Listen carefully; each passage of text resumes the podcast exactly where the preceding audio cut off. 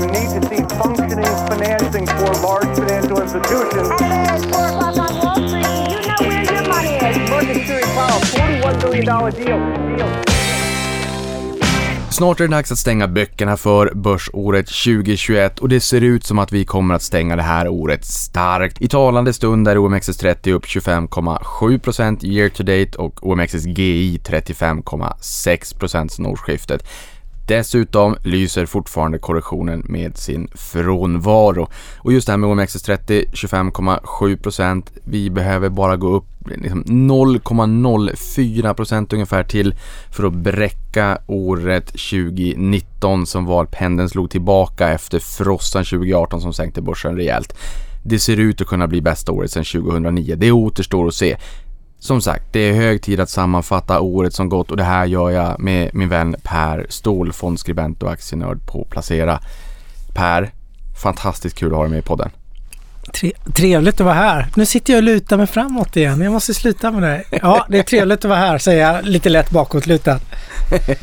Underbart. Vi har ju, det är ganska länge sedan vi poddade. Vi körde ju Tres Amigos, du, jag och Jesper. Och, och egentligen så är det ju pre-pandemic, men det känns ju som evigheter sedan. Det är länge sedan. Det är väldigt, då satt vi nere i bunkern också. Nu sitter vi ju ett etage upp eller två eller tre kanske. Nu har vi fönster om man vill ha fönster. Hur mår du? Jag mår bra. Det är jul snart. Det är jul imorgon.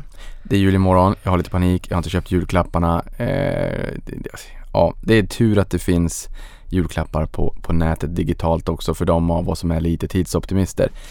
Vi Men ju- nu hänger jag inte med. Vadå? Jag har faktiskt köpt två julklappar på nätet som i god tid. En och en halv vecka sedan. Jag fick notifiering idag. Nu är de på Shanghai Airport. Okej. Så de är inte ens skeppats på flygplanet än. Så de, eh, vad är det nu? Det är klockan är två och det är dagen innan julafton. Så de där julklapparna de, de blir någon form av nyårspresenter tror jag jag kommer att klassificera om dem som. Så det blir ju inte alltid som man, som man tror. Det blir inte som man tänkt sig. Det här uttrycket om att det eh, är tanken som räknas. Det passar väldigt bra i det här sammanhanget. Per, hur skulle du sammanfatta det här börsåret? För mig, jag tycker att det har varit händelserikt. Det har varit eh, det har ju inte varit någon korrektion som du säger men det, det har ju varit massor med små korrektioner och körningar och inflations och ränteoro. Eh, det har varit eh, Coronaoron har kommit igen och det har varit massor med leverantörskedjor och, ett oljepris som har gått balubas och råvarorna som gick stenhårt i början. Eh, timmerpriserna kommer jag ihåg och Iron Ore gick ju som, det var ju helt glödhett där under tidig vår. För att sen punkteras lite. Jag har inte följt eh, timmerpriset men jag tror att det har sjunkit ihop ganska mycket sen det toppade där någon gång i maj. Ja, det var ju allt utom gips egentligen som steg rätt mycket. Min bror och en vän till och med bygger, bygger hus. Och den här eh, brorsan han är ju platschef i byggbranschen, i byggsvängen också. Och där fick jag ju eh, se de mejlen som går ut från leverantörer. Det var 30, 40, 50 procentiga påslag och det var inte en gång det kom ett sånt mejl utan det var faktiskt några gånger. Och jag såg också, det finns en, en organisation i USA som heter någonting i stil med National Home Association Home Builders någonting. Och de eh, var ute här i våras också och sa att nu har snittvillan stigit typ sådär 20-30 000 dollar i, i, i kostnad för att bygga, speciellt om man då bygger i trä. Det, det var ju rätt eh, fascinerande. Lite grann på samma sätt som oljepriset kollapsade till minus 37 dollar fatet i fjol och nu har stigit rätt kraftigt. Men råvaror, det har ju varit vilda västern. Ja, det har varit mycket vilda västern. Jag, jag tror nästan man får packa ihop de här åren. Det blir ju lite sådär, man, du inledde ju så fint med att berätta hur börsen har gått. Det är kalenderår och eh, det är ju bara en brytpunkt liksom. Och det var väl någon liten korrektion kanske i november i fjol och det kanske inte kommer var tolfte månad, kanske var femtonde. Men, men man kanske ska slå ihop de här åren. Så har jag tänkt portföljmässigt. För mycket som gick bra i fjol har reverserats i år. och det har ju varit ganska stökiga. Sen corona bröt ut har det ju varit, tycker jag, väldigt stökigt och mycket två steg framåt och lite ett tillbaka. Och Jag, jag, det känns någonstans som när vi kommer att blicka tillbaka på den här perioden i framtiden så kommer det ju, vi kommer paketera det som före, under och efter pandemin. Och lite grann som du säger också när man sparar. Det finns ett starttillfälle när du börjar spara och sen finns ett sluttillfälle när du tar ut pengar och börjar konsumera. Men vi binder oss ju väldigt mycket vid kalenderår.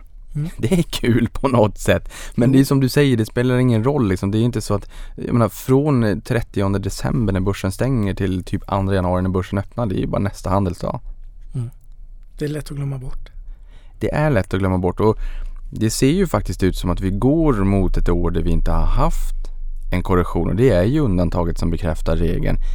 Men du skriver inte sällan om amerikanska aktier. Vi hade en, en eh, korrektion från 16 februari till 5 mars. Mm. Det var rätt många rätt stora techbolag som var ner dramatiskt mycket, 20-30 procent. Ja, Nasdaq index tog ju enormt mycket stryk. Kina har tagit mycket stryk. Jag menar Kina var upp eh, någonstans. Det var ju extremt mycket fram till det kinesiska nyåret som då är lite senare än vårat nyår. Men det var i mitten på februari. Och då hade ju 20 uppgångar year to date på en och en halv månad. Som sen då har mer eller mindre kollapsade bitvis. Ja, och den där tycker jag är intressant för det har varit lite stökigt eh, med, med Kina. De har slagit ner på olika sektorer. Det har varit edtech där man vill, tycker att eh, ni ska, vi, vi gillar inte att ni är noterade och ni ska helst inte heller tjäna pengar. Och sen är det klart, man kan förstå dem också. För Kinas räkning så är det förmodligen väldigt viktigt att bevara och öka den kinesiska medelklassen. För annars är det ett ganska effektivt sätt att förlora makten i slutändan. De är 1,4 miljarder kineser. De har en enorm inhemsk marknad. USA har väl bara inom citationstecken 320 miljoner. i Sverige, vi är bara 10. Och, och sen har man slagit ner på internetbolag, man har slagit ner på noteringar utomlands. Eh, du har Alibaba, boken Alibaba eh, på din eh, läslista i din ljudbokstjänst. Jag har precis lyssnat klart på den, den är fantastisk måste jag ändå bara säga. Tillåt mig ha en kort monolog. Men, men när man liksom pratar om techbolag så pratar man ju om de amerikanska dito och ofta så pratar man om millennieskiftet. Börsen var he, helvild fram till 7 mars i alla fall för Sveriges räkning när, när, när, liksom bubblan sprack lite grann. Fast det är ju ingen bubbla heller. Ja, värderingsmässigt absolut. Men menar, det är ju där, det är de frukterna vi skördar idag och de största bolagen globalt i techbolag. Men man pratar ju ofta liksom om hur det såg ut i väst. Alibaba-boken pratar om hur det såg ut när Jack Ma drog igång i öst, i Kina. Och hur man tycker att det är ett aber med kinesiska människor i butikerna när man egentligen bara var intresserad av att se priserna på mark stiga och att en fjärdedel av kinesiska regimens skatteintäkter är försäljning av mark och hur de kamperade med Ebay och Yahoo och hur Softbank kom in här. De grundades 99, Alibaba. Mm. Och hur de öppnade ena benet efter andra benet och hela deras framfart och hur den kinesiska regimen försökte streta emot. Du har allt det roliga framför dig i den boken och för dig som lyssnar på det här. Det är finansiell allmänbildning att lyssna på det. Oerhört intressant när man har i efterhand, jag var ju, jag var född då. Jag var ung tonåring eh, och, och det var något år kvar tills jag började med aktier. Men hur man har hört den västerländska versionen och där får den, den österländska, den kinesiska versionen. Oerhört intressant.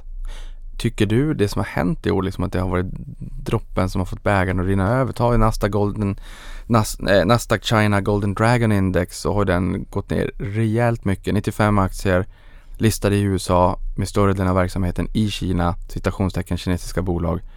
Eh, det känns som att eh, investerarna inte orkar längre. Ja, lite trött har man nog blivit. Det här han, eh, krig eller handelskriget som har mynnat ut. Nu är det ju lite krig mellan eh, amerikansk finansinspektion och eh, den kinesiska också. Det är mycket konstiga eh, pressmeddelanden man får läsa. Jag har läst några från den kinesiska som har kommit ut på helgerna. Lite så här, det är order och lite kontraorder. Så det, det är mycket kring hela Eh, kring hela noterings, eh, hur man ska göra med, reviso, med, med revisionen och allt det här. Och Kina vill inte öppna upp att de kinesiska bolagen ska öppna upp liksom böckerna totalt för amerikanska myndigheter och med ägande och alla strukturer och sådär då. Så jag vet inte, lite om man väl kanske känner jag. Jag har ju kastat in handduken själv i Ja, men jag har också både gjort. Alibaba och eh, eh, oh, Alibaba kom ut i bra men jag åkte på en smäll i Tal Education. Den blev ju... Den såg jag inte riktigt fast jag borde ha sett den för den var väl den, för, den man skulle ha sett tror jag. För den hade man kinesiska myndigheter varit ute och varnat för ett antal år sedan redan. Så att, Men just det här med edtech-bolagen, det här var ju det- det var ju en eh, jättekrasch. Vi såg ju bolagen falla 85-90% inom loppet av veckor. Men de förvaltare jag pratade med, de säger att eh, myndigheterna hade varnat för det här. De ville att de skulle ställa om det själva och anpassa sig eh, för ett antal år sedan och eh, sektorn hade inte lyckats göra särskilt mycket som jag förstår det då. Så det var väl därför man tog i ganska mycket med hårdhandskarna där. Plus att den statistiken man har sett eh, från myndighetshåll och att det är väldigt mycket som en genomsnittsfamilj då lägger på efterutbildning då eller kvällsutbildning och att det, det gräver ett djupt hål för den kinesiska familjen. Ja, för det där har jag också förstått när jag mm, pratade med en kinesisk person eh, som sa att man, man går från den vanliga skolan och sen så går man direkt till kvällsskolan eh, till sen kväll, långt efter Björnes magasin. Så jag tror också att det är svårt för oss någonstans att föreställa sig hur, hur, mm, hur hårt det kanske kan vara och hur infekterad den här frågan kanske är också. Och just det här med att det effektivaste sättet kanske att förlora makten för, för regimen och kommunistpartiet är väl kanske då att eh, få ehm, medelklassen lite grann emot sig. Den vill man ju gärna ha med sig. Men, men det är just det här jag tycker är tråkigt, alltså ge upp drömmen om den kinesiska medelklassen. För det är 1,4 miljarder människor. Det blir ungefär var femte människa på, på planeten. Så det är ju klart att man gärna vill ha exponering här. Men, men, ja, men jag, nu, nu, går jag faktiskt in och avbryter dig. Det, Fast du inte har pratat för långt. Det gör du helt rätt i. Kör. Jag tror att du tänker lite fel här. Mm. Jag tror man kan köra den kinesiska medelklassen på många sätt. Och du behöver inte köpa ett kinesiskt bolag för att, för att eh, få den exponeringen. Så har jag tänkt. Jag tänker att det finns många andra bolag som har väldigt stor del av sin försäljning i Kina. Som är mot den kinesiska medelklassen. Och eh, det är bolag som är noterade i, i väst. De har helt andra eh, myndighetskrav och allting. Det är mycket mer genomlyst. Så det går att göra, tycker jag, ett lite eh, safe, vad ska man säga, säkrare bett. Ja men LVMH, det, där får du ett eh, enormt bra Kina-bett. En tredjedel av omsättningen ligger i Kina. Stora delar av tillväxten ligger i Kina.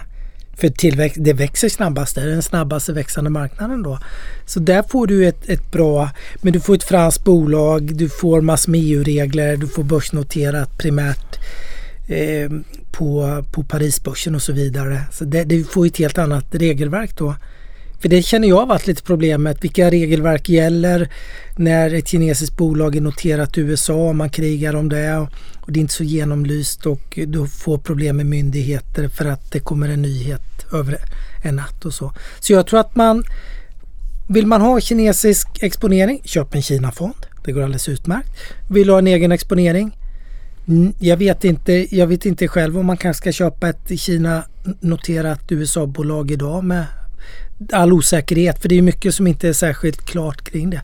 Men det går att hitta väldigt många, både amerikanska och europeiska bolag som har en stor exponering och framförallt har mycket tillväxt om du vill komma åt den här, den här tillväxten som du pratar om. Apple är väl ett sånt case. Det är, de säljer ju mer iPhones och Apple-produkter än någonsin nu i Kina.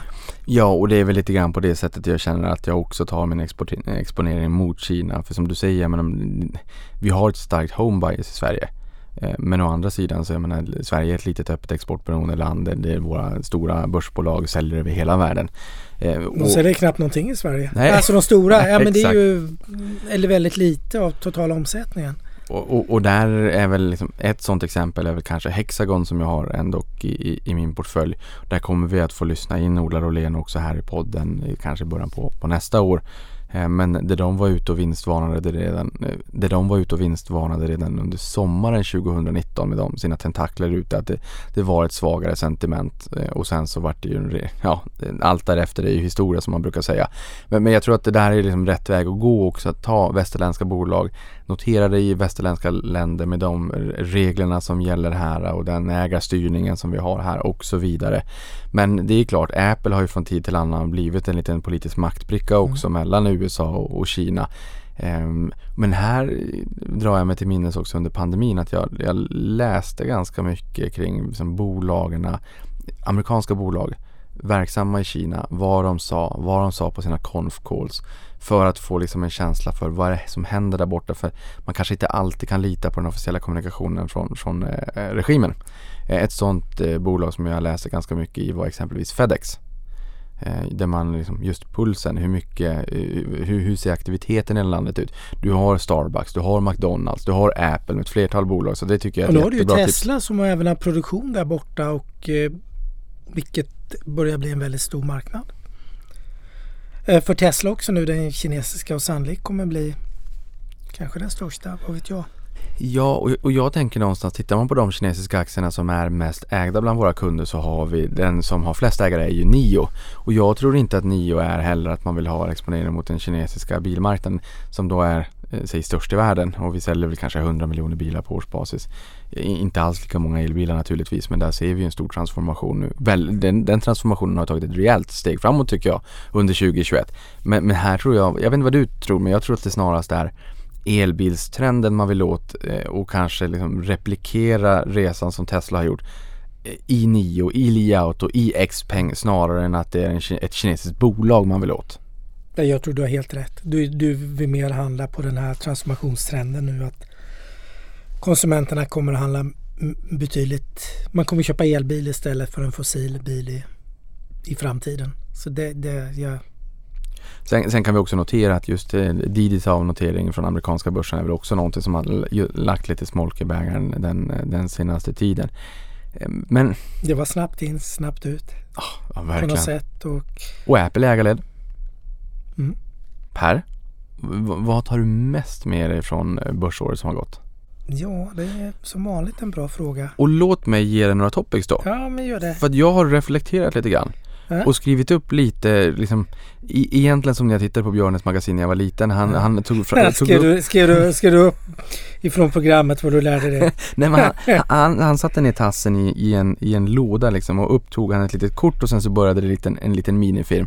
Och jag fascineras alltid över att den där, det tog aldrig slut. Nej. Och det är lite grann därför man ska investera också, att ta pengarna aldrig slut. Men jag har reflekterat lite grann över vad som har hänt och tänker att vi ska liksom ja, ta, bubbla en, kring en del av dem i alla fall. Mm. Jag går igenom dem bara så kan vi ta dem sen. Men det är meme stocks, det är fastighetsmarknaden som har gått från ishotellet i Jukkasjärvi temperaturmässigt till en bastu. Vi har rotation mellan värde och tillväxt. Vi hade Pfizer Biontech beskedet 9 november 2020 som, som det finns ett före och efter det datumet tycker jag. Vi har omikron 26 november, 4% ner, största börsfallet sedan coronakraschen och dessförinnan så har vi inte haft ett 4% fall på fem år. Backar vi bak fem och ett halvt år så hade vi Eh, Brexit, vi var ner 8,42 tillbaka två veckor senare. Sen har vi Metaverse, ett av årets största buzzwords. Utdelningar har kommit tillbaka eh, på bred front. Vi har turbulens i småspararfavoriter, Sinch, Evo, Embracer, vi har stigande inflation, glöd, glödhett noteringsklimat, het ma aktivitet vi har fått in Volvo Cars tillbaka på börsen, Reddy ska noteras, på tal om memestock, Inga SPAC-affärer, men om vi kan tillåtas spekulera så kanske de kommer nästa år. Det finns ett gäng teman tycker jag som har varit lite intressant under det här året. Men är det liksom något som du känner du tycker det har varit extra intressant? Nej, Men jag, jag tycker att det har varit, eh, alla de där är ju extremt eh, intressanta. Men ju, vad jag slås av hur det har fått många mm, trender som vi har tittat, som vi har sett tidigare. De har accelererat. Alltså digitaliseringen har ju accelererat. Det har, ja, vi är ju på arbetsplatsen idag. Det är inte särskilt mycket kollegor här. De har inte semester.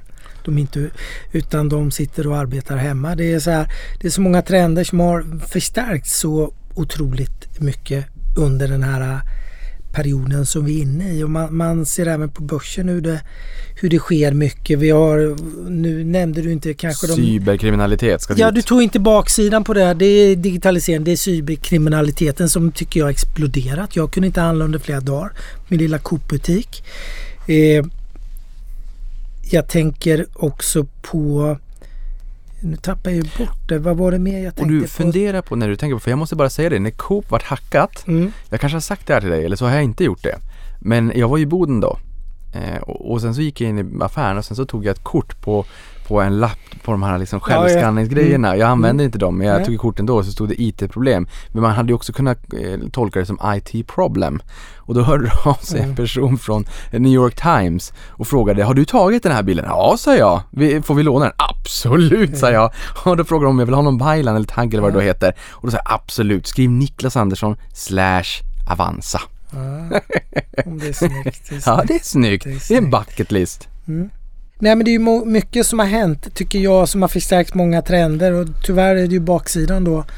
Men framsidan är ju att det finns massor med cybersäkerhetsbolag att köpa om man vill investera där då för att den här tråkiga trenden då som man läser mer och mer om tycker jag nu i tidningarna. Det är nästan var och varannan dag man läser om olika typer av angrepp och det kommer väl det är väl tyvärr lite här för att stanna i alla fall på kort sikt känns det som nu när digitaliseringen tar fart så himla mycket med molntjänster och 5G om inte annat när vi kommer att kunna hantera mycket större datamängder och allting då. Kommer du ihåg att Amazon låg nere under en liten stund här för någon vecka sedan? Inte i Europa men i USA.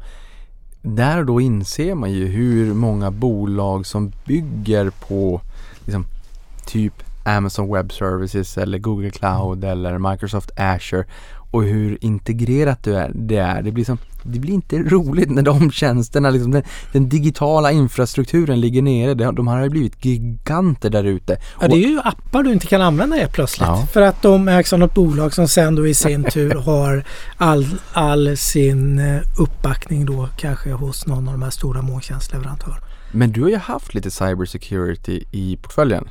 Har du kvar det? Jag har kvar det. Men det har inte gått så där förbaskat bra ändå som man kan tro. Jag satt och summerade min portfölj här igår gjorde vi på en placerarpodd.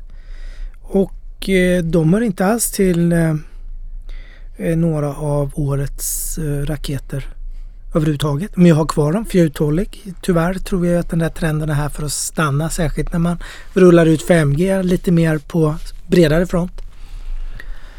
Eh, Ja, för jag har hört snack på stan också som säger att eh, så fort svenska politiker är ute och pratar i, exempelvis Ukraina-frågan så tar det bara några timmar så kommer det massiva eh, kallare attacker från Ryssland. Och där näringslivet lite grann tar smällen för vad politikerna går ut och säger och gör. Sen lägger inte jag någon värdering i huruvida de ska göra det eller inte. Jag är alldeles för dåligt insatt och i Ukraina-frågan så är det naturligtvis så att ingen vill att Ryssland ska, ska invadera. Så är det ju. Men bortsett från det så är det ganska intressant att se det sambandet att det kommer attacker mot svenska näringslivet ganska snabbt efter att vi ser nyhetsflöden i Ukraina-frågan. Och det här handlar inte bara om Ryssland. Det är ju Ryssland och det är Kina och det är Nordkorea brukar lyftas fram och Iran brukar lyftas fram. Sen är vi ju vi pratar ju sällan om det men det är ju rimligtvis så att vi även övervakas av våra allierade. Eh, och världen blir allt mer digital. Ja det gör den. Men det, det är sådana trender som jag tycker har förstärkts så oerhört mycket under kanske året också. Som... Och sen tänker jag lite, du pratar inte om distributionen eller kedjorna, den här logistikproblematiken vi har haft. Det är ju mycket konstigheter som man inte har upplevt eh, samtidigt. Och logistikproblem, halvledarproblem eh, med tillverkningen där och eh, Det var lite intressant. Jag satt och läste en strategirapport igår där man, det var lite roligt. För jag, jag var ju student på 90-talet och då läste jag någon internationell ekonomi. Jag hade en Tensta-fråga som alltid har funnits kvar. Som jag, och det var, jag hade om just in time. Det, blev ju, det myntades på 80-talet, kommer från Japan. Eh, och på 90-talet hade det satt sig rejält och eh, även då för en ung ekonomistudent som jag då så var det en tentafråga. Det var Toyota va? Ja, det var väl Toyota från början tror jag. Det, det stämmer alldeles och det byggde på väldigt knappa lager och eh, det var mycket att eh, hela kedjan skulle vara, ha väldigt lite lager. Du binder mycket mindre kapital och du får upp marginalen. Så det, det var ju liksom sänt från ovan lite det där för det blev en fin marginalexpansion för många industribolag då när man kunde börja ta ner. Men det såg jag idag. Idag är det nog, eh, nu har man nog, den här pandemin har väl lagt, skrivit dödsrunan lite för just in time exempelvis då. Så det är ju mycket sådana här det har kommit mycket nya trender. Det är det som är lite min poäng som jag är lite överraskad över. Det här med halvledare, just in time kanske är dött nu. Man tar hem globaliseringen kommer väl att fortsätta men inte inom alla sektorer. För nu ser man ju, jag läste något börsprospekt nu och i det stod det att man skulle ha tillverkningen i Europa, ett svenskt bolag. Som jag inte kommer ihåg vilket det var men det bara visar ju liksom, nu vill man trycka på det och då skulle det vara hållbart tyckte man. Vilket det är och det är lite mer närhetsprincip kan man väl se det och, eh, och eh, lite bättre försörjningskedjor och så. Men det, Sånt har jag inte sett tidigare. Jag har inte sett någon strateg som har pratat om dödsrunan för just in time. Det, det, var ju sånt var inte... Det har hänt så mycket så snabbt. Det är lite det som är min poäng. Ja men jag tycker det där är intressant och någonstans var det inte Synsam också som har kommit in till börsen i år som tog hem produktionen till Frösön i, i Östersund. Eh, och, och, det här lär vi ju bara se mer av. Jag menar det är lite grann som du säger, just in time, perfekt, lean production har varit mm. jättebra fram till det inte funkar längre. Och vi har aldrig stängt ner världen på det sättet vi, vi har gjort under pandemin och vi har aldrig försökt återstarta världen synkroniserat. Och sen inser man att det är så många länder, det är så många olika restriktioner, det är så många olika viljor så att det går inte heller att starta synkroniserat. Utan det blir en rejäl huvudvärk eh, och, och, det är det vi ser nu med med, med, extremt höga fraktpriser och det är containerbrist och det är energikris och det är allt vad gud och hans moster. Men, men, det här är ändå rätt intressant för flyttar man hem den här produktionen så tänker jag mig att Industri 4.0 kanske får en renässans. Det är högre lönekostnader här. Det kan man ju motverka genom automat mer automation och mer robotisering och sen kanske man kan låta kollegorna göra mer högförädlande arbete naturligtvis. Och det här är intressant. Jag menar, här finns det ju trender att man tar hem produktioner och jag tror att det här är en hållbarhetsbubblare för man, som du säger, man pratar inte jättemycket om det här. En telefon, jag kollar på min iPhone, det står inte längre som det stod förut. Um, designed in Cupertino, assembled in China, men är, det är ju förmodligen fortfarande så naturligtvis. Och de här komponenterna har ju varit över hela världen 51 gånger. Jag kommer aldrig bli större globetrotter än komponenterna i min iPhone, så är det ju. Ehm, men jag tycker ändå att det här är intressant och det finns en del bolag som arbetar med det här.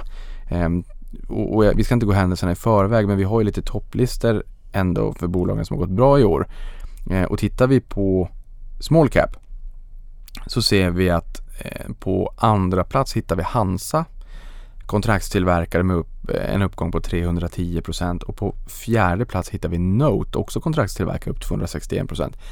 Det fascinerande här är att det är ju Erik Stenfors som har grundat båda de här bolagen och du som lyssnar på podden har ju lyssnat till Erik ett väldigt feelgood-avsnitt tycker jag för några avsnitt sedan där han också berättade, liksom lyfter, öppnar huven till global världsekonomi. Hur mycket produktion lägger man ut?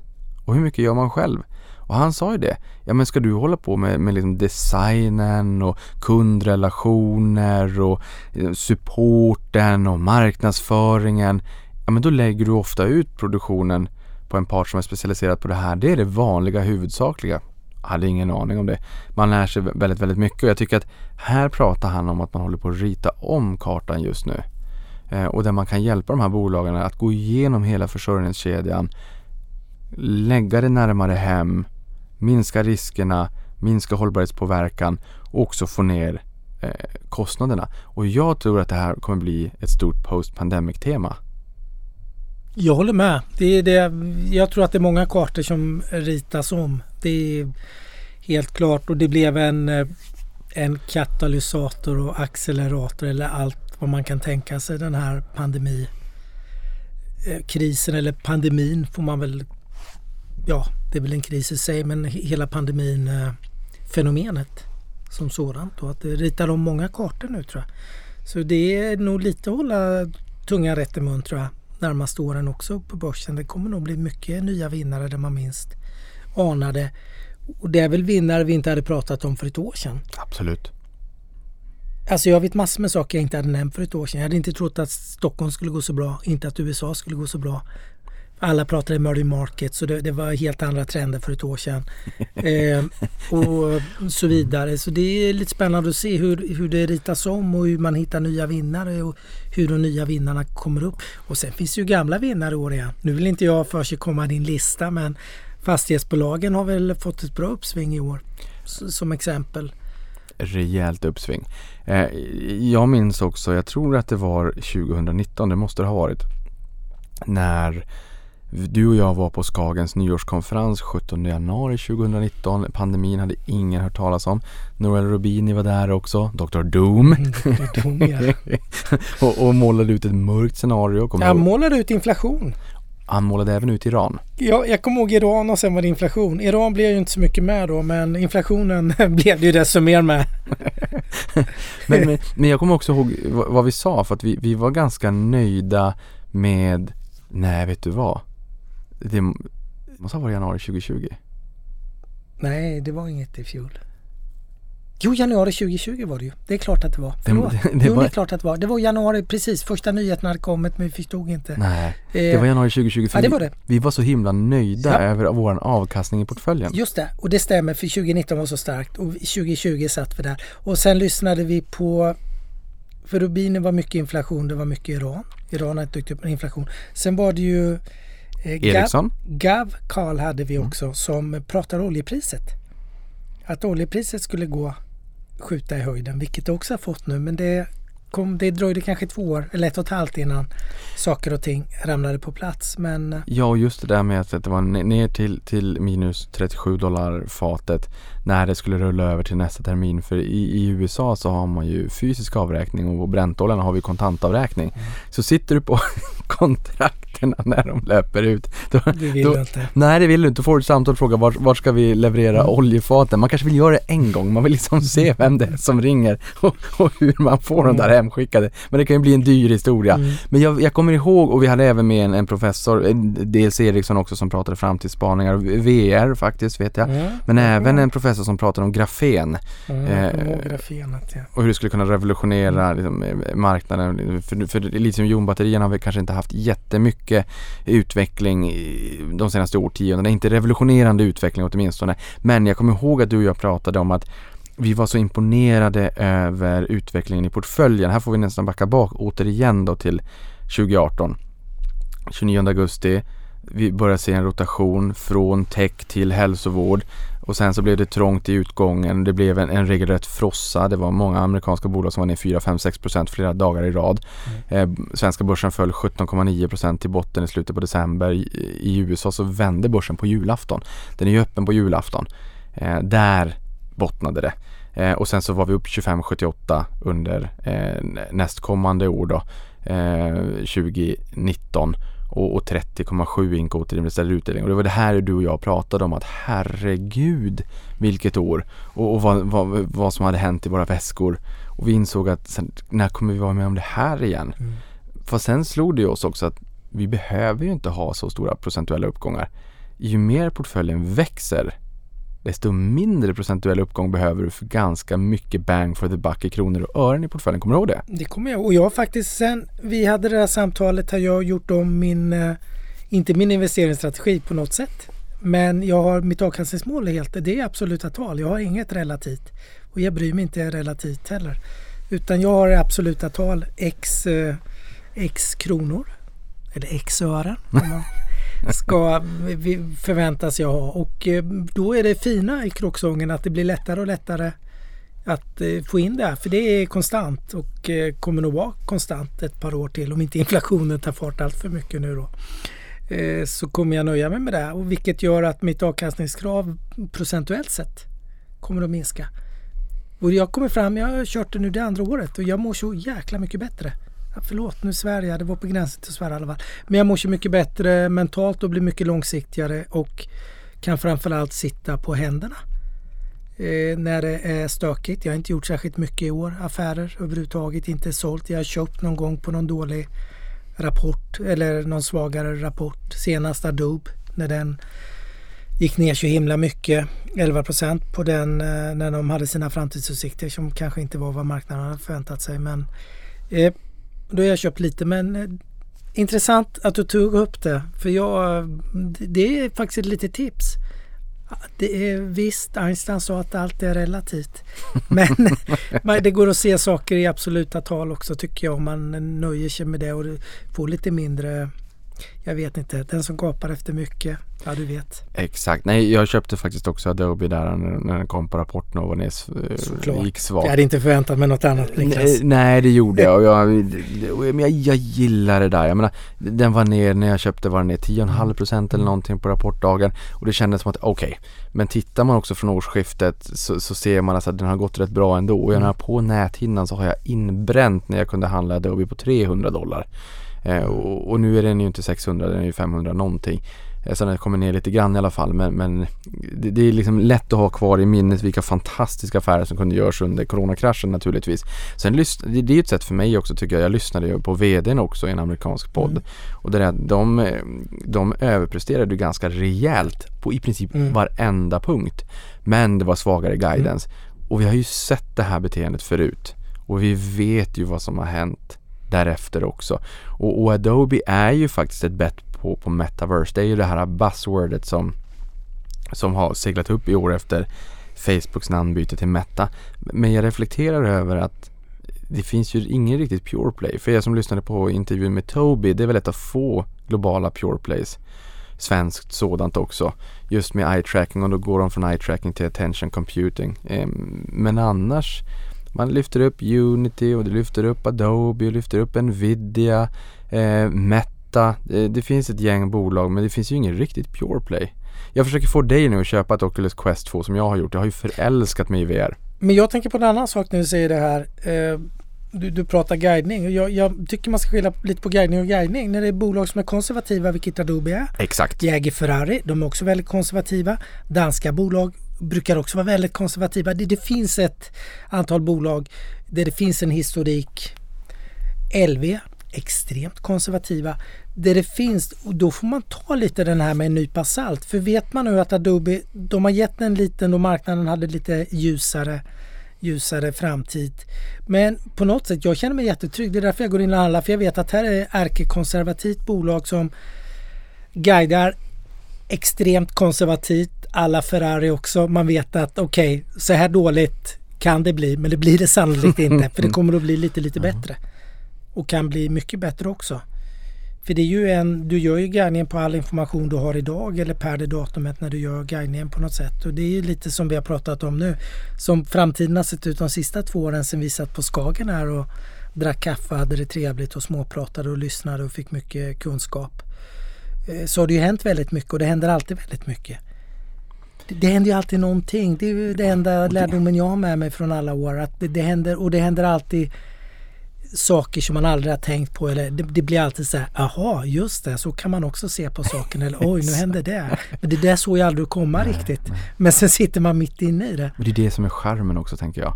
Och just det här som du är in på med när vi pratade om Kina och lyxbolagen. Dels så har ju lyxbolagen också börjat hitta till metaverse.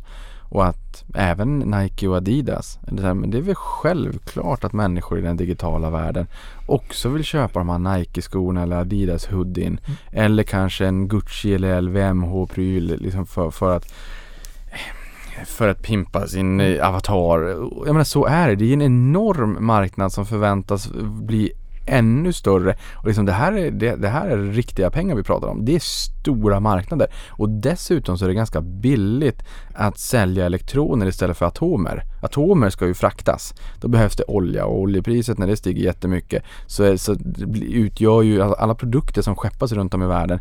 Då, transportkostnaden utgör ju en allt större del av totalpriset och då blir det ju som, ska du som bolag absorbera det där så blir det ju marginal liksom, erodering, marginalkontraktion. Men att sälja digitala ettor och nollor är ju betydligt mycket billigare. Men betyder det att den här skinnen till den här gubben i den här digitala världen blir billigare från Gucci? Nej, inte alls. Och där ser vi ju, jag menar senast bara för några dagar sedan så, så hade ju eh, Adidas en försäljning av, av NFT också.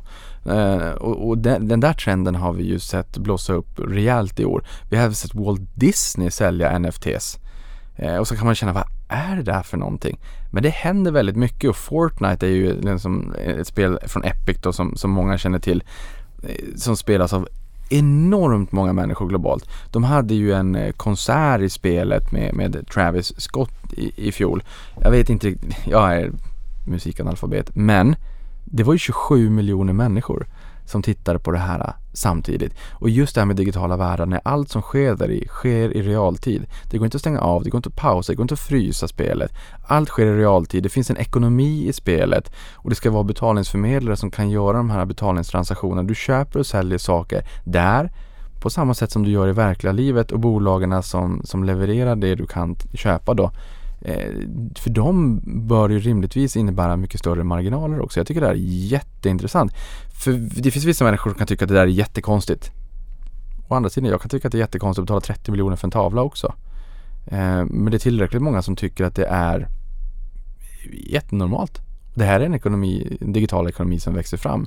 Nej, jag håller med dig och det, man kan tycka det är jättekonstigt att betala 30 miljoner för en, en gammal fin klocka av något schweiziskt eh, varumärke också. Så jag, jag håller med dig faktiskt. Jag, jag eh, trots att det är lite nollskillnad då men eh, eh, så säger jag, jag är öppen för det här också. Jag tror att det också kommer att ge sådana här vad ska man säga, astronomiska belopp som vi även ser inom konst och hantverk eller antikviteter och du har Ferrari-bilar nu som slår all time high också. Du har klockor som går för hur mycket pengar som helst nu. nu är, det är miljoner fast eh, och det är jättemycket men sen är det dollartecken efter. Man, man, så här, för att ha en klocka du aldrig kommer att använda sannolikt heller. Den kommer ju ligga där fast den är, råkar då bestå av eh, massor med atomer då så att den du kan klämma på den på ett annat sätt och få en liten annan upplevelse då men eh, Ja, jag vet inte. Det är möjligt att eh, med blockteknologi och allt det här du gör unika unikiteter på det hela. Så det, ja. ja. Ja, men det finns en ekonomi som bygger på atomer och det finns en ekonomi som bygger, bygger på elektroner. Eh, och, och, båda världarna är ju ändå rätt spännande. Och det här, det vi var in på med metaverse också, att det inte riktigt finns något, något uh, pure play, tycker jag är intressant. För ta Zoom och Zoom Generation och när, när man har jobbat hemma under den här pandemin det är klart att Zoom har varit spännande men det har ju också varit en dram dramatisk uppgång och sen har den ju lite grann imploderat från, från piken. Eh, och det kanske är bra att det inte finns något riktigt pure play på metaverse i och med att det har ju funnits med oss under många år. Nu har man satt ett namn på det och, och Facebook har bytt till Meta. Liksom, nu är det ju ett buzzword. Mycket handlar om storytelling när det kommer till börsen har man ju lärt sig. Men det är bra att det är många bolag som ger en exponering mot det här men som inte står och faller med det. Det är exakt det jag vill säga. Microsoft För när du, tar, Teams. när du kör Zoom, jag vet inte, det, det känns som det är mycket enproduktsbolag som har tagit mycket stryk i år. Det är faktiskt en trend som inte så många har pratat om. Mycket enproduktsbolag, alltifrån vi har, här hemma har vi Oncopeptides som har rasat, en produkt. Eh, Zoom har inte gått särskilt bra. Mycket av de här enproduktsbolagen om det är inom teknik eller medicinteknik eller biotech eller vad det nu må vara. Det har varit ganska tufft i år. Det har jag inte sett så många prata om. Det är väl en liten egen observation tycker jag när man har sett mycket, mycket bioteknikbolag som jag har i min portfölj som har varit lite för tiltade mot en produkt har ju haft det jättekämpigt i år. Så jag är, snackar Pure Play och inte Pure Play. Jag vet inte. Eh, jag har ägt Microsoft ganska länge. Inte tillräckligt länge. Det kan man aldrig göra med det bolaget. Det kunde man ha köpt 92. Ah. Men eh, jag kunde ha köpt det 87 typ för då började jag med värdepapper och det hade varit kanske det smartaste jag hade gjort om jag hade gjort det. Men det är lätt att vara backtrader. Men min poäng är lite, jag gillar Microsoft, jag gillar typ LVMH för det, det är inga pure play. Du har det är konglomerat egentligen inom respektive. Det är lyxvarukonglomerat, det är te teknikkonglomerat. Alltså det finns ju fördelar med en konglomeratstruktur också för du kommer åt metaverse via Microsoft också. Ja. Men det är, inget, det är långt ifrån ett pure play, det håller jag med dig om. Men du kommer åt molntjänster, Azure, du kommer åt väldigt mycket då. Så det, det är väl lite, jag känner att det kan jag tänka mig nästa år att de här pure play tycker jag har gått lite, lite sämre i år och även finns ju andra lite svenska Pure Play bolag som också inte har gått lika bra som de har gjort tidigare då. Så det är väl en liten reflektion att lägga till på din lista också som man kanske ser också i bottenlistorna nu som har blivit lite reverserat att man har, man har hyllat mycket Pure Play tidigare. Ja, men jag tycker det och någonstans det där med Zoom och Microsoft. Jag menar Microsoft, de, de, de ger ju också en exponering mot metaverse. I, Ja. De vill ju ha det fast mot företag och kunna kollaborera och möten. Och när det blir riktiga avatarer, de ser ut som dig och mig och man kan också se våra ansiktsuttryck där man får med kroppsspråket som är liksom den majoriteten av eh, den mänskliga kommunikationen när du och jag nu pratas vid. Vi, vi, liksom, vi fångar ju upp våra hjärnor. Det är inte så att jag kan indexera vad, exakt vad allt betyder. Men våra hjärnor fångar ju upp kroppsspråket. Det är ju oerhört viktigt. Och det är därför jag tycker det mänskliga mötet är så trevligt. Men att där kommer man ju försöka få in det i den digitala världen också och, och Microsoft vill ju göra det här på företagsbenet medan Meta vill ju mer göra det här med sociala nätverk och kanske mer leisure, mer nöje, familj, efter arbetstid etc. Men det där är spännande och just för Adobes räkning också, jag menar marknadsföring. Eh, man måste ju någonstans följa med människor där människor är och de yngre generationerna kommer förmodligen i större utsträckning vara typ i ett metaverse och då måste ju reklamen följa med och ett Tobii och du måste också se vart man tittar, hur man fångar upp reklam för att kunna optimera etc. Det är en spännande trend. Jag vill bara in här också på lyxbolagen de tog, hade det lite tufft under pandemin och, och, och lyxbolagen, inte minst LVMH, världens största lyxkonglomerat, har ju också sagt att man är väldigt beroende av att människor reser. Typ som vi som Mastercard också. Cross-border transactions när du handlar på, sitter på restaurangen i Spanien, det, där tjänar de bra med pengar. Men det där har, de där trenderna har ju liksom ändrats lite grann. Och en grej som är spännande det är att Kina slår ju ner på de ultrarika.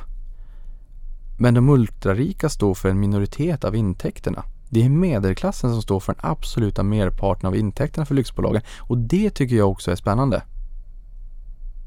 Och det är ju de som man också försöker hålla under armarna när man ser att, att Kinas regering, alltså regimen slår ner med stora släggan så är det ju just medelklassen man vill hålla under armarna. Och det är de som är den absolut största drivaren för De är lyxbolagen. motorn i det hela, precis. Så där, eh, där tror jag inte man ska. Det var ju en överreaktion där vi såg i augusti. Det tror jag helt klart. Och sen kanske det eh, nu kanske mer problemet inför nästa år är att eh, jag såg lite Outlook idag. Öppnade mejlen från Bofa och då bara slog mig att eh, ibland bör man se siffror bredvid varandra. USA och Kina, nummer, världsekonomins två största ekonomier, kommer att ha samma tillväxt nästa år. Vet du hur mycket? 4,0 är prognosen för båda. Så det är ju en ganska stort tapp eh, för den kinesiska ekonomin nästa år. Den går ju in i en mycket lugnare fas vilket jag tror kanske kan påverka eh, lyxbolagen till viss del och inte, när när ekonomin kanske växlar ner lite då i det här fallet. Får vi se hur mycket Kina men framförallt tror jag att Europa kommer att komma tillbaka delvis då. Men där fick jag en liten tankeställare. Men, men Bofan där, är de globala förvaltarna oroliga för inflationen? Nej, de, de är inte jätteoroliga utan man tror att den är mer övergående. Sen vad är övergående? Är det två månader eller är det 12 månader? De tror inte att den är här för att stanna och bara bita sig fast. Jag pratade med ett antal förvaltare Ja. nu har jag gjort som vanligt Mm. och det säger alla är helt övertygade om. Alltid när det har varit problem och det, det är förvaltare som är i min ålder som har jobbat länge och de säger man bygger, företagen är bäst i världen på att anpassa sig. Man kommer att bygga bort de här flaskhalsarna i transport. Det kommer transportbolagen att se till att bygga bort. Du kommer att bygga bort halvledarproblematiken. Det håller man på. Det har aldrig investerat så mycket på kort tid som du gör nu. Och du pratar om Hansa, Hansa Hansa! och not och allt det här och det, hela kartor ritas om. Så jag tror man kommer bygga bort alla de här problemen. För det är mänskligheten, är, vi är ju extremt eh, duktiga på att se affärsmöjligheter. Ja, jag Även i problemen. Jag håller helt med. Och eh, det, tänk om ett, nu så att det kommer amerikansk eh, kopi eh, precis nu. Eh, och eh, då är det, vad heter det? Nej men om vi sitter här om ett år då kommer vi vara ett annat bollgame tror jag. För då kommer vi inte ha de här skenande energipriserna sannolikt. Att det har blivit balans där. För nu så jag senast igår att man dirigerar om massor med naturgas, eh, sådana här LG-fartyg eller vad det heter. LNG kanske de heter till och med, med flytande det, naturgas. LNG, De mm. går inte till Asien utan nu går de till Europa. För det har aldrig varit så stor prisskillnad i mellan Europa. Eh, och då skeppar man det heller till Europa då. Jag vet inte hur man kan ta emot det riktigt på ett bra sätt. Om det finns infrastruktur för det eller om det, om det är bäst om det kommer de här rören från, från Gazprom eller pipelinen som Ja, kanske den och pipelinen som inte är helt färdigbyggd den här Nej. Nord Stream 2. Och, och de här som går igenom Ukraina och så vidare. Mm. Om det är att föredra. Men det finns väl i alla fall vad jag förstår. Nu är det säkert någon som kommer att mejla till oss och ta emot det flytande då via fartyg. Då, att det finns väl vissa sådana i alla fall hubbar. Även i Europa. Ja, men, så. så man bygger bort eh, problem. Det var lite det som är min poäng och då kommer man att få ner mer normala priser och då kommer inflationen att börja backa igen.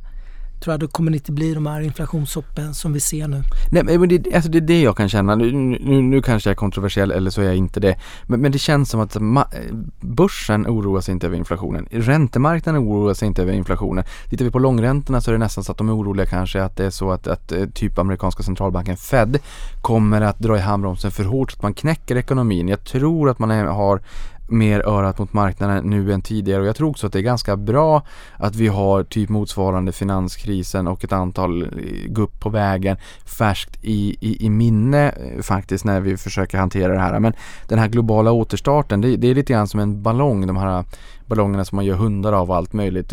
Trycker man på ena stället så bubblar det upp en bubbla på, på något annat ställe på den här ballongen.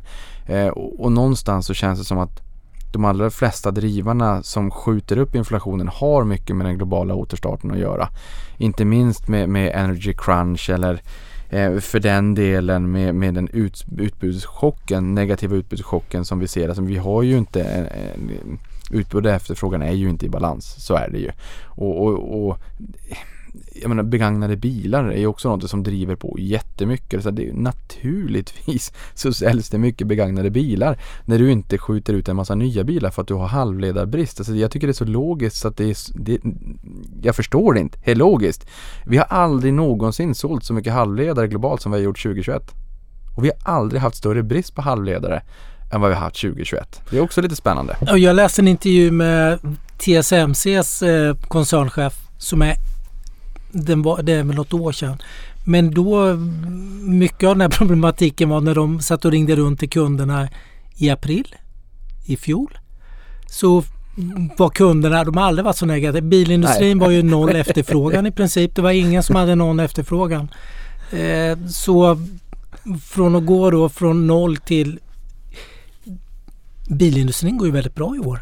Det, det slog mig lite också. Jag tänkte nu blir det inte den här överproduktionen som det alltid blir. Det blir alltid någon miljon bil för mycket tillverkat. Ja, men du som drar sa- ner marginalerna. Så jag, jag läste någon Mm. liten kritisk analys som skrev att ja, men det här kanske var bra för bilindustrin. För nu har de på något sätt utbud och efterfrågan har varit mycket bättre. Nu är det väl till och med lite att utbudet är mycket, mycket mindre än normalt då, men att då har man närmat sig efterfrågan på ett bättre sätt. För det reas väldigt mycket bilar vad jag förstår då som drar ner marginalerna. Ja men det här är ju jättespännande för jag vet att du kom förbi mig en dag för, för några veckor sedan eller kanske till och med någon månad sedan och, och berättade om just det här. Jättespännande! Som vi sa, om vi tillverkar 100 miljoner bilar på årsbasis där kanske någonstans. Men som du säger, man, man skjuter i, man tar i lite grann, man, man tillverkar lite för mycket och man kanske då får sänka priserna lite grann, det blir lite marginalkontraktion. Och nu helt plötsligt så blir det snarast stöttande, lite marginalexpansion och det, det är mer efterfrågan än utbud. Väldigt spännande på något sätt.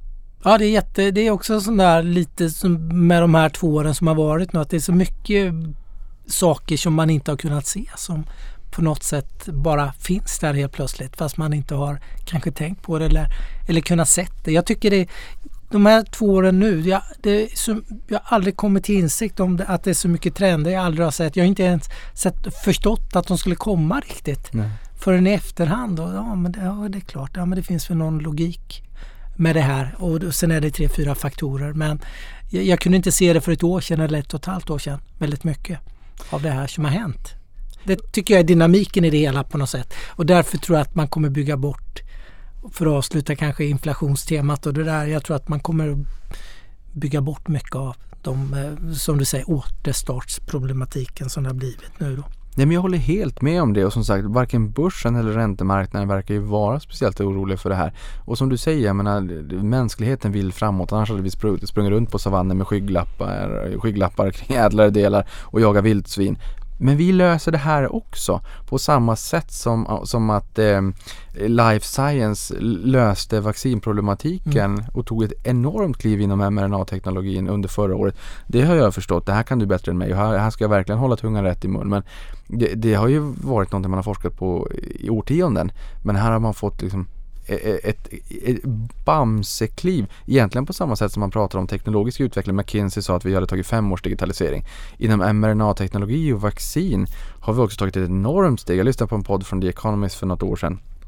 Där man sa att USA har liksom, hemliga strategiska reserver av ägg på samma sätt som att man öppnar upp de strategiska oljereserverna för en tid sedan och sen fick man inte så mycket påverkan på oljepriset. Men sen kom omikron och då kollapsade mm. oljepriset 25% Men just äggreserverna här, det är för att du behöver äggen och sen så behöver du injicera mm. Eh, så att säga och sen så stå, ska det stå och liksom växa till sig på något mm. sätt och ja, du kanske till och med kan förklara bättre vad det här faktiskt innebär. Men nåväl, man odlar virus och sen gör vaccin av det hela och det tar ju veckor mm. till att kunna göra det på syntetisk väg. Mm. Det här är ju ett, ett smärre genombrott. Mm. Jag håller med dig. Det är jättespännande och mRNA ska bli jättespännande att följa nu. Jag äger några mRNA-bolag, eller ett i alla fall. Intellia, där den ena grundaren även blev Nobelpristagare i fjol inom biokemi. Eh, Doudna. Men hur som helst, jag tror att det här kommer ta fart. Det har fått en liten bra plattform nu när man ser att det har fungerat så bra. Eh, så jag hoppas man kan, många andra sällsynta sjukdomar kanske med, få bättre cancerbehandling. Så det, det har jag mycket tillförsikt kring. Att det kan bli bra ytterligare en sån där. det har förstärkt någonting den här pandemin. Inget ont som inte har något gott med sig. Om man så kan säga. Jag vet inte, det kanske inte passar här. Men, ja, då, men, men, det, men du förstår med de här trenderna som... Och man behöver det. Man ja. behöver det. Alltså så många människor som kanske får en alldeles för sen eh, cancerdiagnos för att man trängs undan av covid-patienter. Jag menar, det, det, finns liv på båda sidor om ekvationen här. Det här är ingen rolig situation för någon och, och när det kommer till sjukdomar så är det aldrig så att säga. Och sen har vi ett operationsberg jag menar, jag, jag kommer inte ihåg sist jag, jag, jag lyssnade till robotkirurgi. Det är förmodligen säkert också något som ligger och bubblar där. Att du med hjälp av typ eh, Intuitive Surgical och Da Vinci-roboten, den kostar ju lite pengar. Det är, de, det är lite skelettmetoden också. Att du repetitivt så säljer du engångsprylar med ganska goda marginaler. Men eh, fördelen där som jag har förstått det är också att det blir enklare operationerna. Det blir mindre ingrepp och patienterna är på benen mycket fortare och det blir mindre mänskligt lidande. Och då har du liksom, det med x antal dagar per år. Ja, det är ju 365,25 dagar per år år då, om man slår ut det med ett skottår var fjärde år, eh, så innebär att du får rätt många sjukhussängar lediga förutom eh, minskat lidande och minskade kostnader. Du får ju upp effektiviteten. Eh, det här måste ju också vara trender som ligger och lurkar men det, det är år sedan jag uppdaterade mig kring typ robotkirurgi. Nej men jag tror att det är ju den här automatiseringstrenden går ju att lägga in väldigt mycket i som du pratar om kanske robotisering både rent fysiskt av robotar inom industrin och även inom hälsovårdssektorn. Och sen finns det någon form av eh, digital automatisering och robotisering. Det är lite det vi ser Sinch inne på, eller mycket med AI och mycket man automatiserar massor med utskick och bekräftelser och sånt. Då. Den trenden eh, är ju definitivt här och tar fart och jag tror att även eh, SUS, det svenska mm, Göteborgsbaserade bolaget då, Surgical Science, som gör även mjukvara och eh, framförallt då till den här robotkirurgin då eh, är ju, är ju sådana trender som eh, kommer sannolikt att fortsätta för det är så liten del som är penetrerad. Pen, penetrationsgraden är ganska låg då men det är även automatisering här och du får effektivare och du sparar skattepengar framförallt. I, I många andra fall sparar du pengar för aktieägarna eller effektiviserar och får upp marginalerna kanske när det gäller en biltillverkare eller en kontraktstillverkare eller någonting. Men här är det ju våra skattepengar då som är en trång sektor. Mm. Och, och, när du läser boken Alibaba sen så, den är skriven 2018 och det är ju mycket som har hänt sen dess naturligtvis. Men pandemin. Då, pandemin inte minst. Då pratar man om, om språnget från IT till DT. Från information technology till data technology och det är ju big data och det är AI. Eh, och, och när, när, maskiner med telematik och när maskiner ska börja prata med varandra och vilka enorma datamängder det kommer att driva på in upp i, i molnet inte minst, det här är ju jättespännande trender och en annan trend som jag tycker är spännande som jag inte heller har gjort hemläxan kring. Det är ju när man pratar industri 4.0 med automation, automatisering och robotisering för att få ner kostnaderna när man flyttar hem större delar av produktionen. Eh, eller det, det har vi kanske framför oss men det, allt pekar ju åt det hållet. Att gå från, liksom, vi har ju gått från dumbphone till smartphone, från tjock-tv till smart-tv. Men industrirobotar är fortfarande lite dumma. Och det finns ju bolag som sätter ögon på industrirobotar och gör dem betydligt mycket mer intelligenta. Det där är också en superspännande trend. Det finns ju många sådana här bubblande trender och det är ofta därför man ska lyssna. Man läser en årsredovisning, läser en kvartalsrapport, läser en investerarpresentation, lyssnar på ett konf För man snappar upp så förbaskat mycket som man inte hör i main, mainstream media eh, och som är väldigt intressant. Man, man hör inte förrän det är liksom vardag. Och då har tåget kanske ibland lite grann gått. Någonting annat vi har pratat om, det är fastigheter. Vi, det var uppesittarkväll igår när det här spelas in. Vi hade med Ilja Batljan i, eh, i programmet och just det här de fick ju väldigt mycket kritik för ett antal år sedan. Det var många som var kritiska till Ilja. Sen har de gjort en fantastisk resa. Jag har noterat att det sentimentet, åtminstone bland småsparare, har vänt som dag och natt. Och, och, här är det ju samhällsfastigheter naturligtvis och det de gynnas av, de har ju långa kontrakt, lång räntebindning, lång kapitalbildning, den ska bli ännu längre har jag förstått. Men här också när vi har inflation. Jag menar, hyresavtal har ju indexklausuler de justeras ju upp när inflationen stiger. Men finansieringskostnaden är fortfarande modest. Räntemarknaden tror ju inte på det här inflationstemat. Det här är den bästa av världar för fastigheter. Vi sa det i början av podden här. Vi har gått från temperaturmässigt ishotellet i Jukkasjärvi till en bastu. Eh, I, I fjol var det liksom en, en krasch i kraschen. Fastighetsbolagen var ner 50% minst. Pandox 77,91 som mest. Obligationsmarknaden frös till is. Det var en elefant som stängde sin fond. Det var kanske därför många andra obligationsfonder klarade sig för att elefanten frös. Eh, Idag är det ju full fräs. Det skrev för en tid sedan om att fastighetsindex är upp 50% i utdelningar. Jag reflekterar bara över hur snabbt ett tema, liksom, hur snabbt det kan vända, hur snabbt det kan skifta. Det är inte många månadssparanden emellan de här två temperaturpolerna. Nej, och det är väl det du brukar säga. Jag brukar säga, flera med oss såklart, men långsiktighet och att tålamod och månadsspara. Och är det ett tema man tycker ser bra ut eller det behövs eller vad det nu må vara. Stå kvar. I det här fallet i fastighetscaset du drar nu eller det här eh, så var det inte så många månader som det var eh, Jukkasjärvi. Det var väl ungefär lika långt som en vinter. Det var väl inte längre? nej, nej.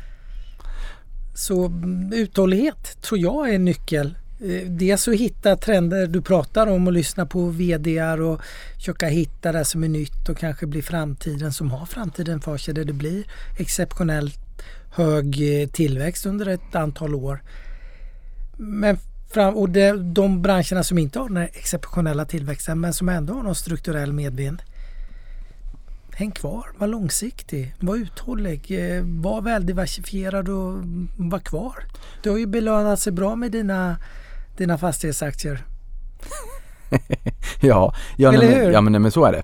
Eh, och jag har under lång tid också haft eh, exempelvis Balder i portföljen just för att jag hade med Erik Selin här i podden också. Man blir så glad när, man, när, jag frågar honom liksom, What makes you tick? Vad, han är ju hemma han 35-40 miljarder. Mm. Ilja Batlin är också miljardär men det är, de behöver inte tak över huvudet och mat på bordet för det har de ju redan men det är ju någonting som gör att de tycker att det här är så förbaskat roligt. Och jag menar reflekterar vi över fastighetsmarknaden i Sverige, det är inte jättemånga. Det är ganska få på toppen, de här tunga fastighetsmagnaterna som fortsätter år efter år efter år efter år och liksom nästan maniskt bygger sina fastighetsimperium och är duktiga och värdeskapande. Det är viktigt att ha ett, ett namn i fastighetsbranschen tror jag.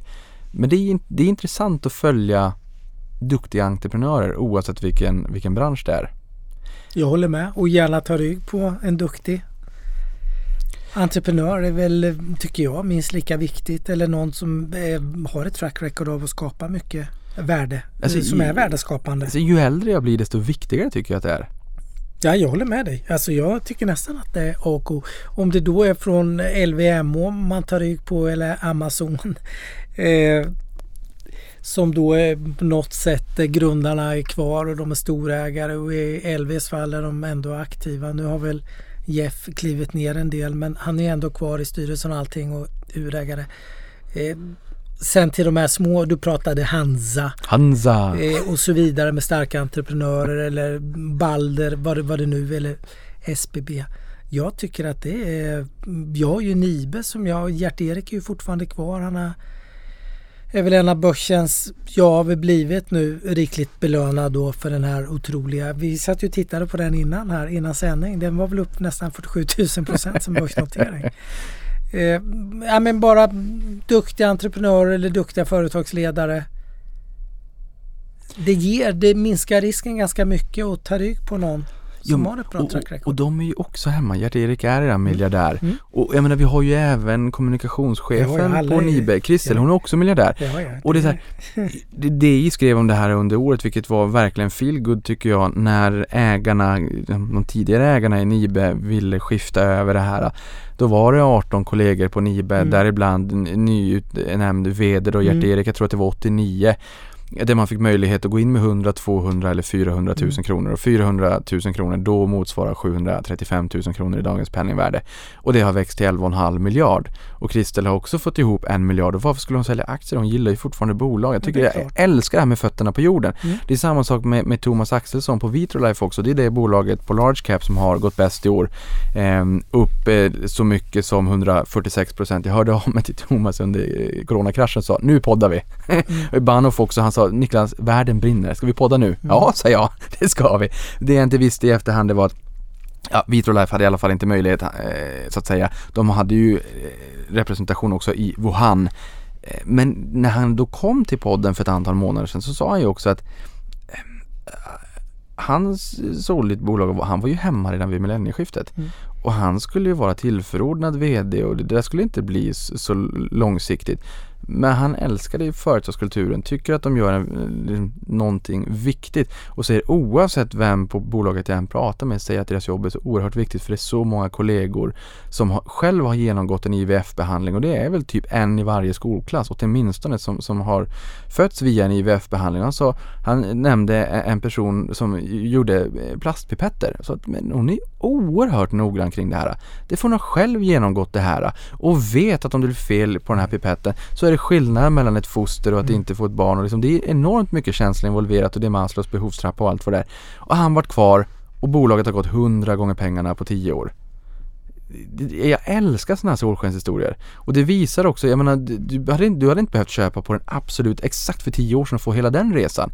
Men, men liksom, jag tror sannolikheten för att få en god värdeutveckling i portföljen är mycket större när du hittar människor som du verkligen imponeras av och känner att vad än de tar sig för så känns det som att de kommer verkligen göra allt de kan för att se till att det här är värdeskapande. För tiden är den ultimata valutan. Om de lägger sin tid på någonting jag tänker de är så pass kloka att de inte lägger sin tid och sitt liv på skit.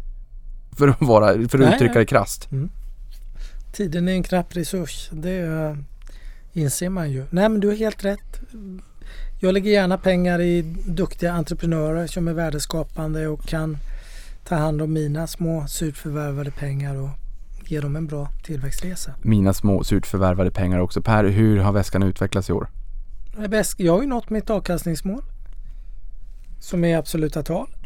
Om det inte stökar till sig allt för mycket nu då. Och vilken nivå, vilken avkastningsnivå är du nöjd med eh, härifrån och framåt? Den jag haft i år. Nästa år.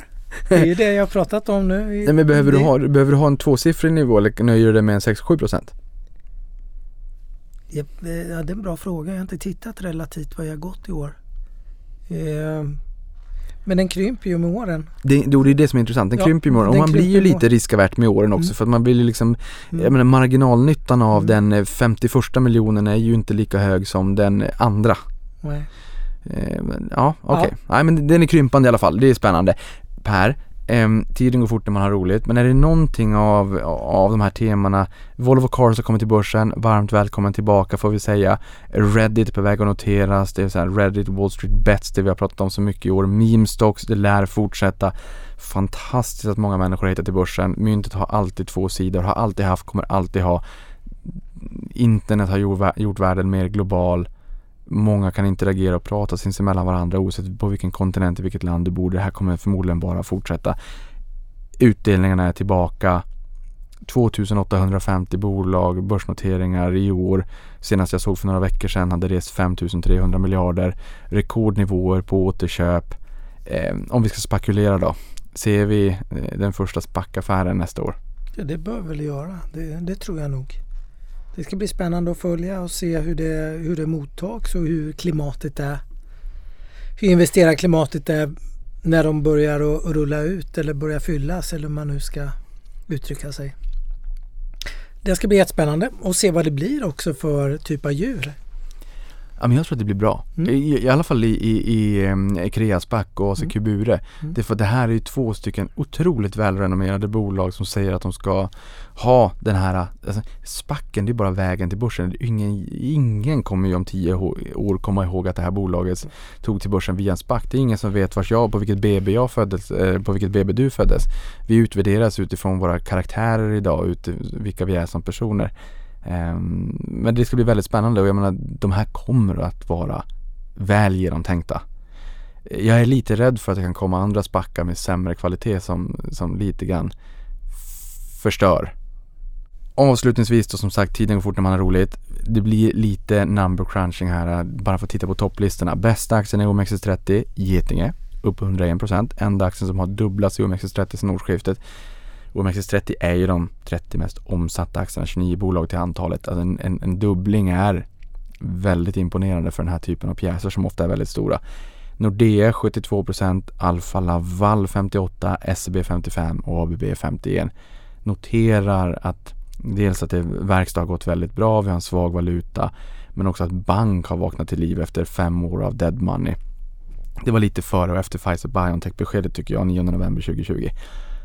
Stockholmsbörsen, Large Cap, Vitrolife 146%, EQT 137, SBB 129, Arion Banki Island 111, Medicover 104. Dyker ni lite längre till midcap hittar vi Hexatronic 543% och det är också, vi har bredband, de flesta av oss har bredband i Sverige, så ser det inte ut i världen. Nej. Och varannan människa Ingenting ser ut som i världen som det gör i Sverige. Det, det ska man ha som grundregel. Exakt, och det är bara liksom, varannan människa på planeten har internetaccess, bara en sån sak. NCAB 246, New Wave 207, MP3 Fastigheter 187 och International Petroleum på 170. Och sen dyker vi ner till botten.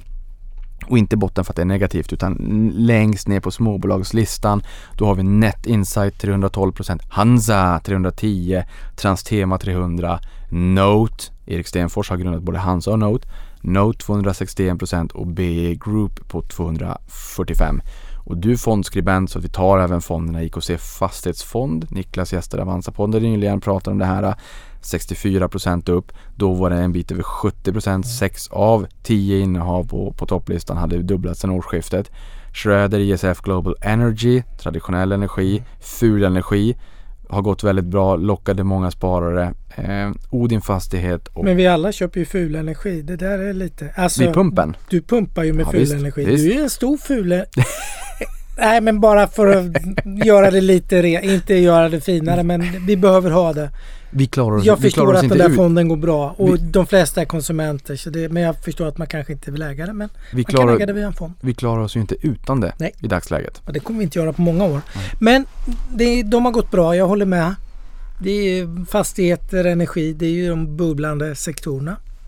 Och, då ju, och på Sverigefondssidan och det är mycket, då är ju, domineras ju av småbolagsfonder. Vilket inte det gjorde första halvåret i år. Nej, Då var det storbolag som gällde.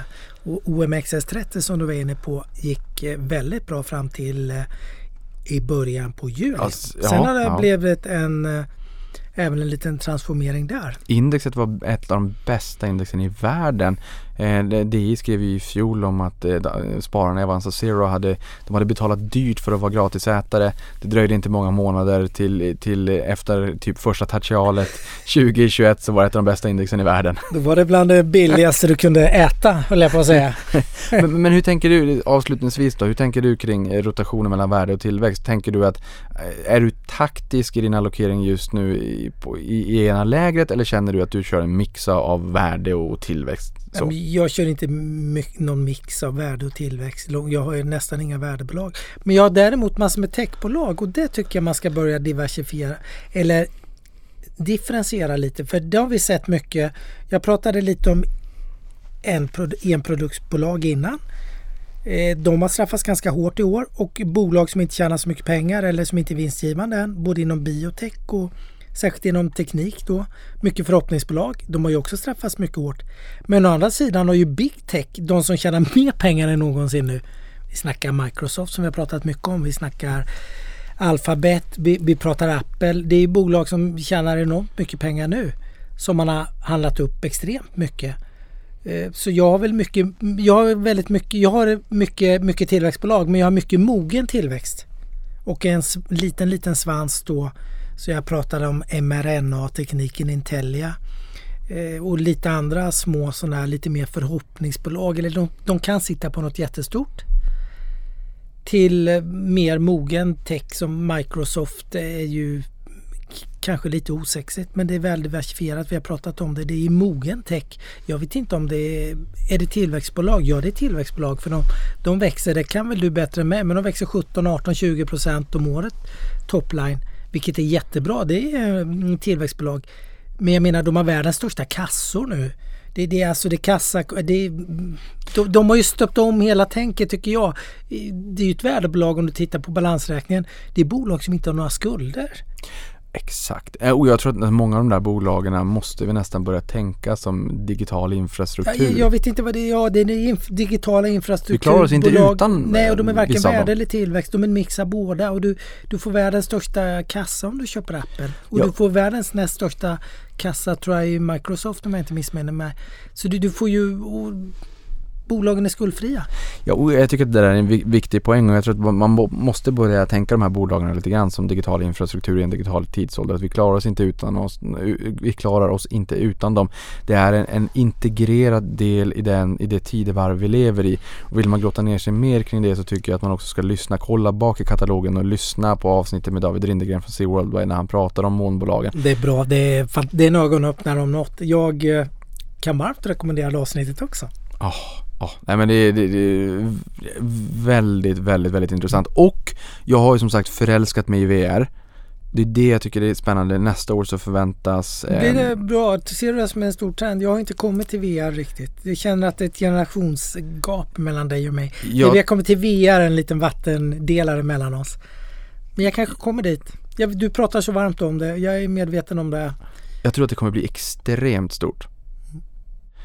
Och för några år sedan så pratade vi mycket om augmented reality, att det kanske var det mm. som skulle slå. VR, det var lite så oh, men det är jobbigt. Jag hade Playstation VR, jag fick det från tjejen. Det är liksom en rymdhjälm och det är kablage och du skulle sitta framför TVn och det var halvdassig upplösning och det kändes så här, mm, men jag hoppas att det blir någonting av det. Jag tyckte så här, men det kanske inte är säkert, det kanske inte blir någonting. Det kanske är AR som slår.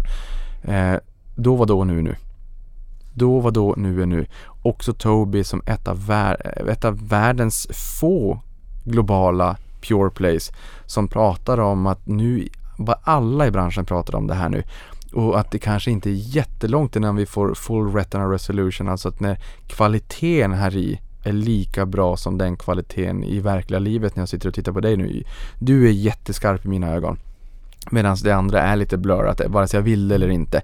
Vi har ett, ett synfält på 180 grader någonstans. Om det skulle komma in någon från sidan här så skulle jag kunna tro att jag ser färgen på tröjan fast jag gör inte det. För hjärnan uppfattar inte det. Så det här med foveated rendering också, att kunna så här, knivskarpt där du tittar och lite mera blurrat där du inte tittar vilket du inte kommer att uppleva eller se som, som någonting dåligt utan snarast naturligt gör att beräkningskapaciteten, där, vi är nog förmodligen ganska snart där. Jag har te testat spel, jag har testat eh, videos i virtual reality, jag sitter och tittar med David Attenberg med massa dokumentärer för uppkomsten av liv på planeten och du är mitt inne i det och ser jag har förälskat mig i det här och jag menar mina barn är två och fyra. Det blir krig hemma om jag tar fram det här innan de har gått och lagt sig. Jag gör inte det längre. Min far är snart 69. Han har också fått testa det här. Så jag har testat alltså från en tvåårig son till en fyraårig dotter till mig själv till min sex, nästan 69-åriga far. Och alla inser bara, wow, och när nästa år förväntas det bli ett banner year för virtual reality, när Sony Playstation VR 2 förväntas komma, när Oculus Quest 3 från Meta, det vill säga för detta då Facebook förväntas komma och dessutom förväntas Apple ge sig in i matchen inom virtual reality och det kommer driva en enorm orkanstyrka för hela den här trenden. När Apple gör någonting bestämmer sig för någonting då, då liksom cementerar man den trenden. Och det är därför Apple har gått så bra på börsen senaste tiden också för att man tänker att det här kommer bli en, en jättestor produktkategori och det kommer att driva jättemånga människor som köper utrustningen och det kommer också att driva jättemånga utvecklare att skapa content och det här blir ett självspelande piano. Hela deras ekosystem hoppas jag, hoppas jag att de flyttar in i den här världen för den är helt fantastisk. Ja, jag ska närma mig den världen inför nästa år, eller under nästa år, det lovar jag dig faktiskt. Det är en av de få saker jag eh, känner att jag måste lära mig mer om. Och eh, det rimmar väl med min stora 5G-tro också. När 5G öppnas upp kommer det skapas så mycket mer nya tjänster som de gjorde när 4G rullades ut. Eh, vilket också kommer driva mycket av den här automatiseringen vi har varit inne och pratat om som finns i alla branscher. Och eh, även driva VR kan jag tänka mig med nya, med nya appar och nya applikationer och eh, när det nog finns en bättre bandbredd. Och, och, du flyttar ut, du outsourcar mm. beräkningskapaciteten från att den sitter på huvudet till att den sitter i ett hyperscale datacenter och skjuter ut den med 5G direkt in. Mm. Och det är också därför man tror nu att Essilor och Luxottica och jag tror att det är Ray-Ban som teamar ihop med då Facebook eller Meta så att du kan få dina AR-brillor också kanske till och med under nästa år. Per, det här var fantastiskt. God jul på dig! God jul och gott nytt år! Och gott nytt år, avkastning på dig och tusen tack för att du lyssnade på det här. Money,